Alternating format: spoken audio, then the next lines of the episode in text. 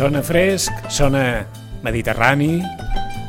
És la guitarra d'Eduardo Niebla.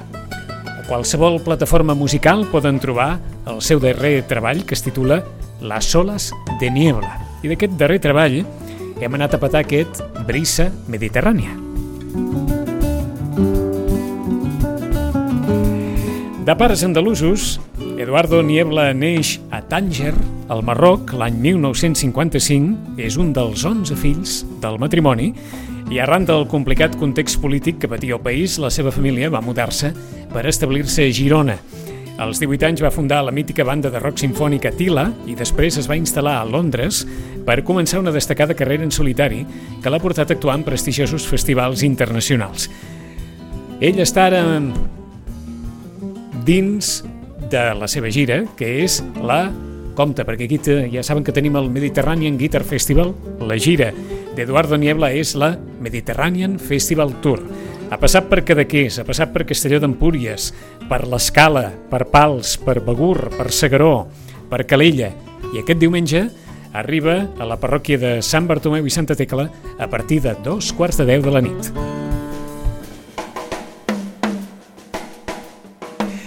Eduardo Niebla, buenos días. Buenos días. Si le digo maestro, digo bien, ¿no? Bueno, no sé, yo no me puedo juzgar. Yo, yo nada más que sé que tengo una ética profesional desde hace muchos años y, y he trabajado mucho. Y tengo la suerte de trabajar por todo el mundo con, con mejores músicos líderes de, en, su, en su rama.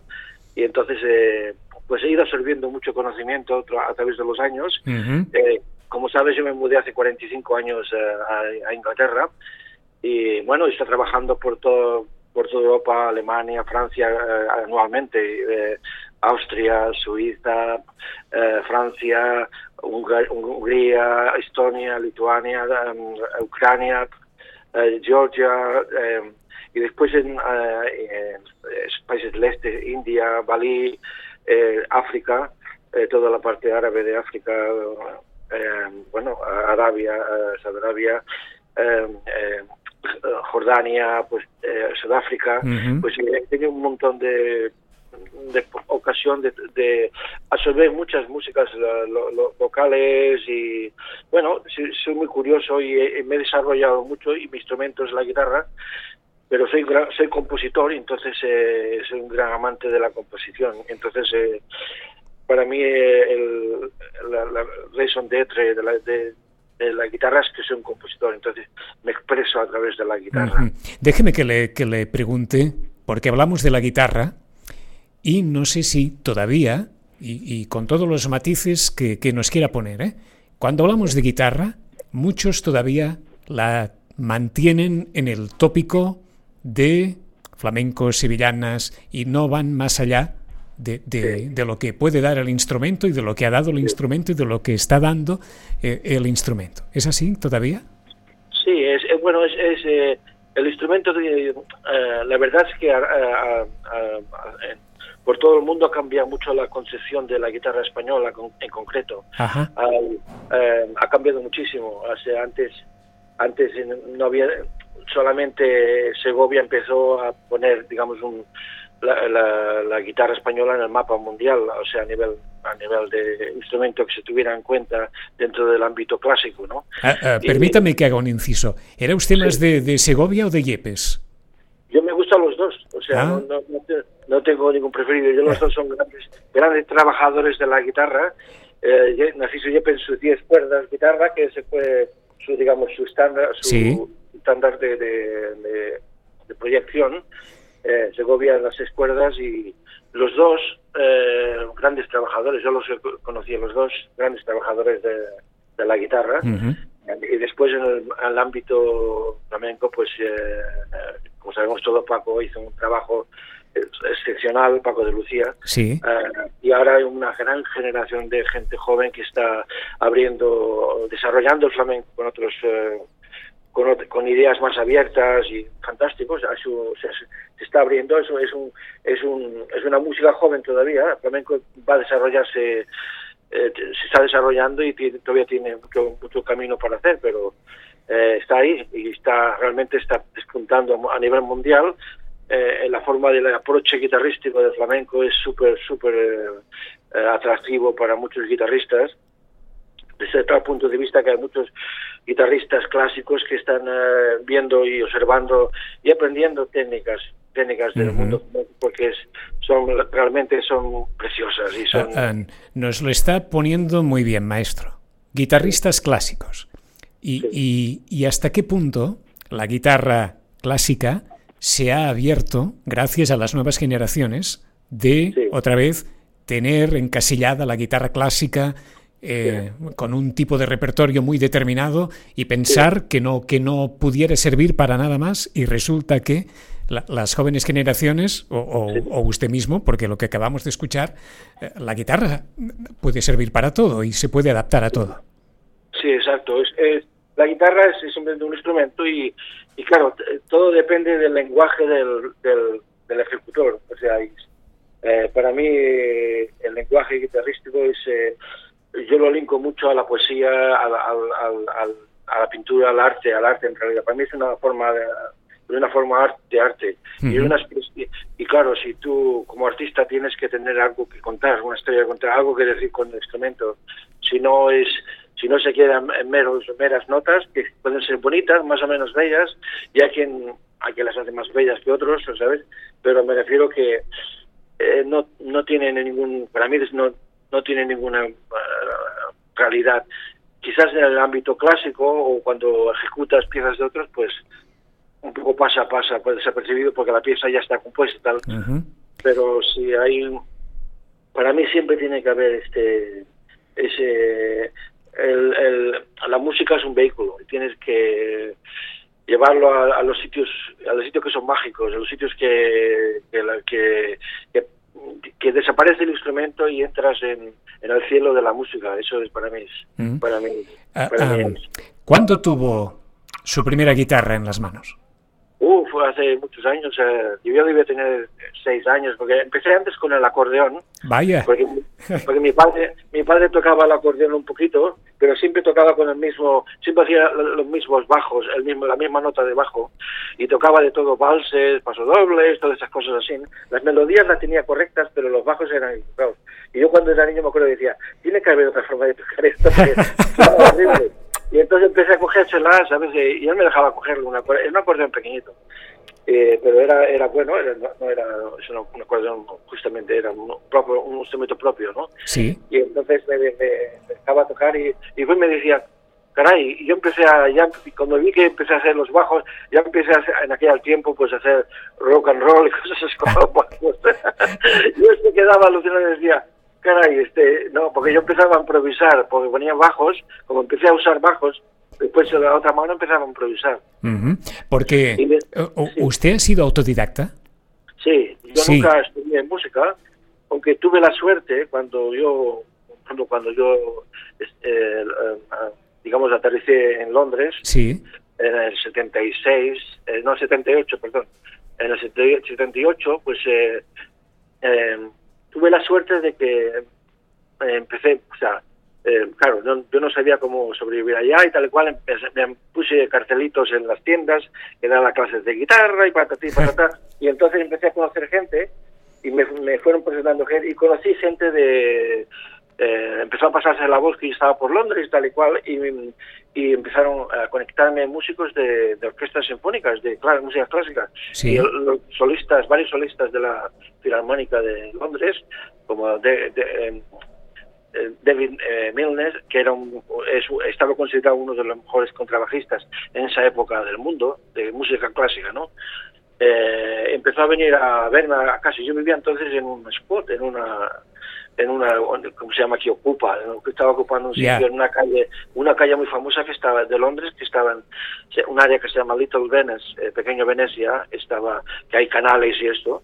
Y entonces conocía a muchos músicos y venían a casa y, conocía a Tom Newman, que era un productor de Michael Fiat, Tubular Bells, eh, conocía a gente de, los, o sea, gente incógnita, conocía gente, vinieron a casa los de Sex Pistols, vinieron a casa un día a pedir prestado un amplificador que tienen que grabar, no sé qué, y yo entonces no los conocía, ¿sabes? Pero un amigo mío, un amigo mío de Gerona que es un fanático de los Sex Pistols, me dice, joder, dice, si yo tengo los, el último disco, un disco que tienen de ellos, no sé, y me explicaba que quería quería conocerlos, no sé qué, bueno, en fin, que vinieron por ahí. Y entonces había un mundo muy excitante y los músicos clásicos que venían a casa, pues eh, me tocaban piezas clásicas de solos, o sea, de Marto y eso.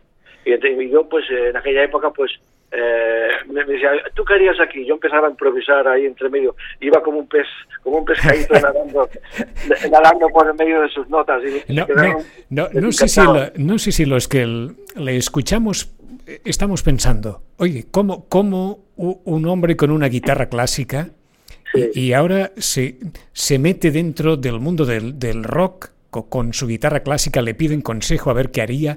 Eh, en algún momento pensó, bueno, yo, va, dejo la guitarra clásica, me meto en el rock, me está gustando esto, o, o, no.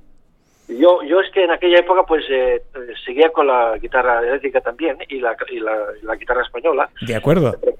Entonces, eh, la guitarra eléctrica, pues yo intenté de montar varias bandas que, bueno, tenía lo, mejorcito que andaba por Londres en aquella época, eh, baterías buenísimos, bajos muy buenos, eh, muy bien, y teclistas buenísimos, y, empecé a montar grupos en aquella época que eh, este, experimentar con, con o sea, música funky en aquella época, que estaba bastante bien, y hacíamos de todo. Y después empecé a hacer jazz rock, después empecé a meterme más en el jazz, standards, eh, con la guitarra eléctrica, digamos. Y, después, cuando empecé a hacer, eh, también al mismo tiempo hice un duetos de guitarra española, y entonces cuando entró la guitarra española que se podía enchufar, que los primeros que lo hicieron era la Takamine, que era una guitarra japonesa, y me pasaron una y la, verdad es que sonaba fatal.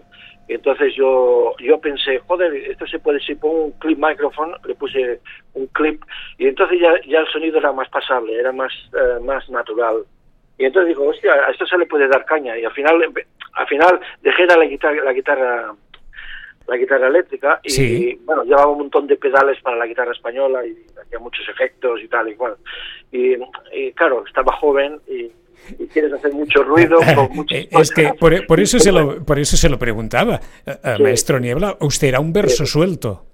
Sí, sí, o sea, un hombre con una guitarra clásica, que resulta que conoce a la gente del rock, que toca la guitarra eléctrica, que después resulta que intenta con la guitarra española o la guitarra clásica amplificada, que no le gusta su sonido, que entonces coloca un micrófono de clip en la guitarra para ver como con un poco más de, caña. Usted ha pasado por toda, vaya, por todo el abanico, por todos los palos ha pasado. Sí, y, y después la primera guitarra de nylon sintetizada, que la hizo la Shadow, una compañía que hacían pickups para, para todo tipo de instrumento. Y entonces me, me, dijeron, mira, Eduardo, eh, sabemos que, bueno, estás en Londres, nos desearía que, que nos viéramos, vinieron desde Alemania, y me dije, es que tenemos un prototipo de una guitarra sintetizada de nylon y queremos que vengan a probarla. Y me parece que fuimos tres o cuatro guitarristas, después habían varias compañías de comercios que tienen tiendas de guitarras y tal. Bueno, eh, la presentaron y me, la dejaron probar y digo, ostras, esto tiene gracia, no sé qué, puedes hacer sonar la guitarra como un órgano, como una plaza. O, sea que le, ha gustado siempre experimentar. Sí, y entonces me, me dejaron, me, me dijeron, ¿sabes? Me dijo el, el, director de la compañía, me dijo, hemos pensado que, que te quedes con el prototipo y úsalo y a ver, a ver qué, nos vas enviando mensajes y nos dices qué te parece y que se puede arreglar o que se puede mejorar o no sé qué. Bueno, y al final la usé un, par de años, la sintetizada. Y después me acuerdo que pensé que era un gimmick, un gimmick es un, como una cosa que es una juguetina, ¿no? ¿Sabes? Que en realidad eh, la guitarra me aleja todos esos efectos me alejaba un poco de, de la guitarra, ¿sabes? Y, entonces al final pues fui dejando todos los efectos y me quedé con la guitarra con un poco de reverb, ¿sabes? Para que sí, para, darle un poco un poco más de cuerpo, vaya. Y para que las notas no queden secas. ¿sabes? De acuerdo. ¿Qué va a proponer, qué, qué nos va a proponer este domingo en, en Sitges, maestro? Bueno, aquí en Sitges voy a hacer un poco de, de presentación de, de, temas de diferentes épocas que son muy muy claves en mi época de composición. Eh, diferente, un poco la historia mío de composición para que vea la gente de dónde, cómo he ido eh, avanzando y un poco he escogido las cosas, las piezas que y son más bonitas para dos guitarras y suenan muy bien. Las, las, las dos guitarras suenan como, parece que estás en el cielo, porque está, suenan muy, muy bonitas las piezas. Y bueno, yo estoy muy contento como, como se han desarrollado. Y bueno, estará, estará conmigo Joao Lima, que es un guitarrista portugués, un, gran talento, también es un, virtuoso y, y un él viene de la estudió, estudió la academia de Royal Academy de Londres, ¿sabes? De, Inglaterra, sí. y, siempre con distinción y es un, es un gran músico. Y es de, es de Portugal. Y bueno, muy bien, eh, hemos trabajado muy poco, la verdad, porque como con esto de la pandemia, empecemos eh, a trabajar juntos justo cuando entró la pandemia. Y entonces, claro, la pandemia paró todo. y, eh, o sea que hemos trabajado poco, hemos hecho alguna gira, un, un par de giras en Inglaterra, y después eh, ahora estuvimos eh, hicimos una cosa en Gerona hace un tiempo atrás y después hemos hecho eh, en Portugal estuvimos hace unos días atrás estuvimos en, Portugal en el festival de jazz i nada, fantàstic, fue muy, -hmm. bien, muy bien. Doncs aquest diumenge 7 d'agost a partir de dos quarts de 10 de la nit a la parròquia de Sant Bartomeu i Santa Tecla Eduardo Niebla i el seu Mediterranean Festival Tour. Maestro Niebla, gracias por estar esta mañana con nosotros. Gracias a ti, ¿eh? muchas gracias. gracias. Adiós, buenos días. Adiós, buenos días, adiós. Un altre dels temes de les soles de Niebla és Spring Dance, aquest.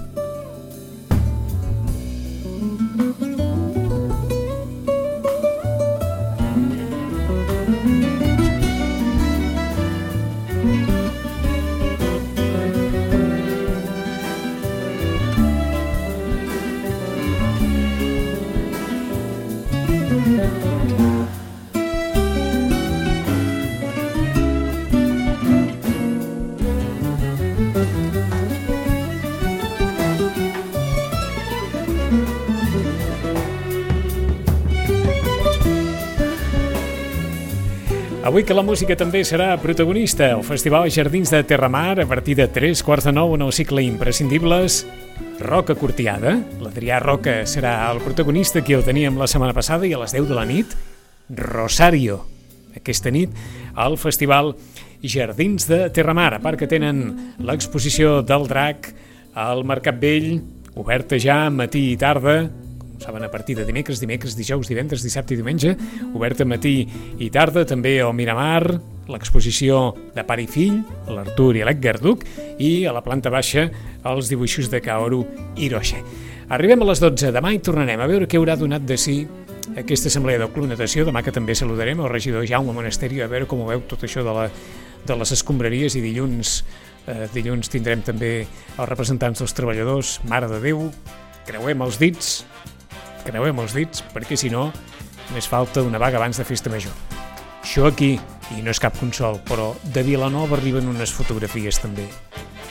Unes fotografies d'unes acumulacions de porqueria. Però vaja, no és cap consol, és Vilanova. Però feina tenim amb, com deia aquell, lo nostre. Fins demà a les 9. Bon dijous, adeu-siau.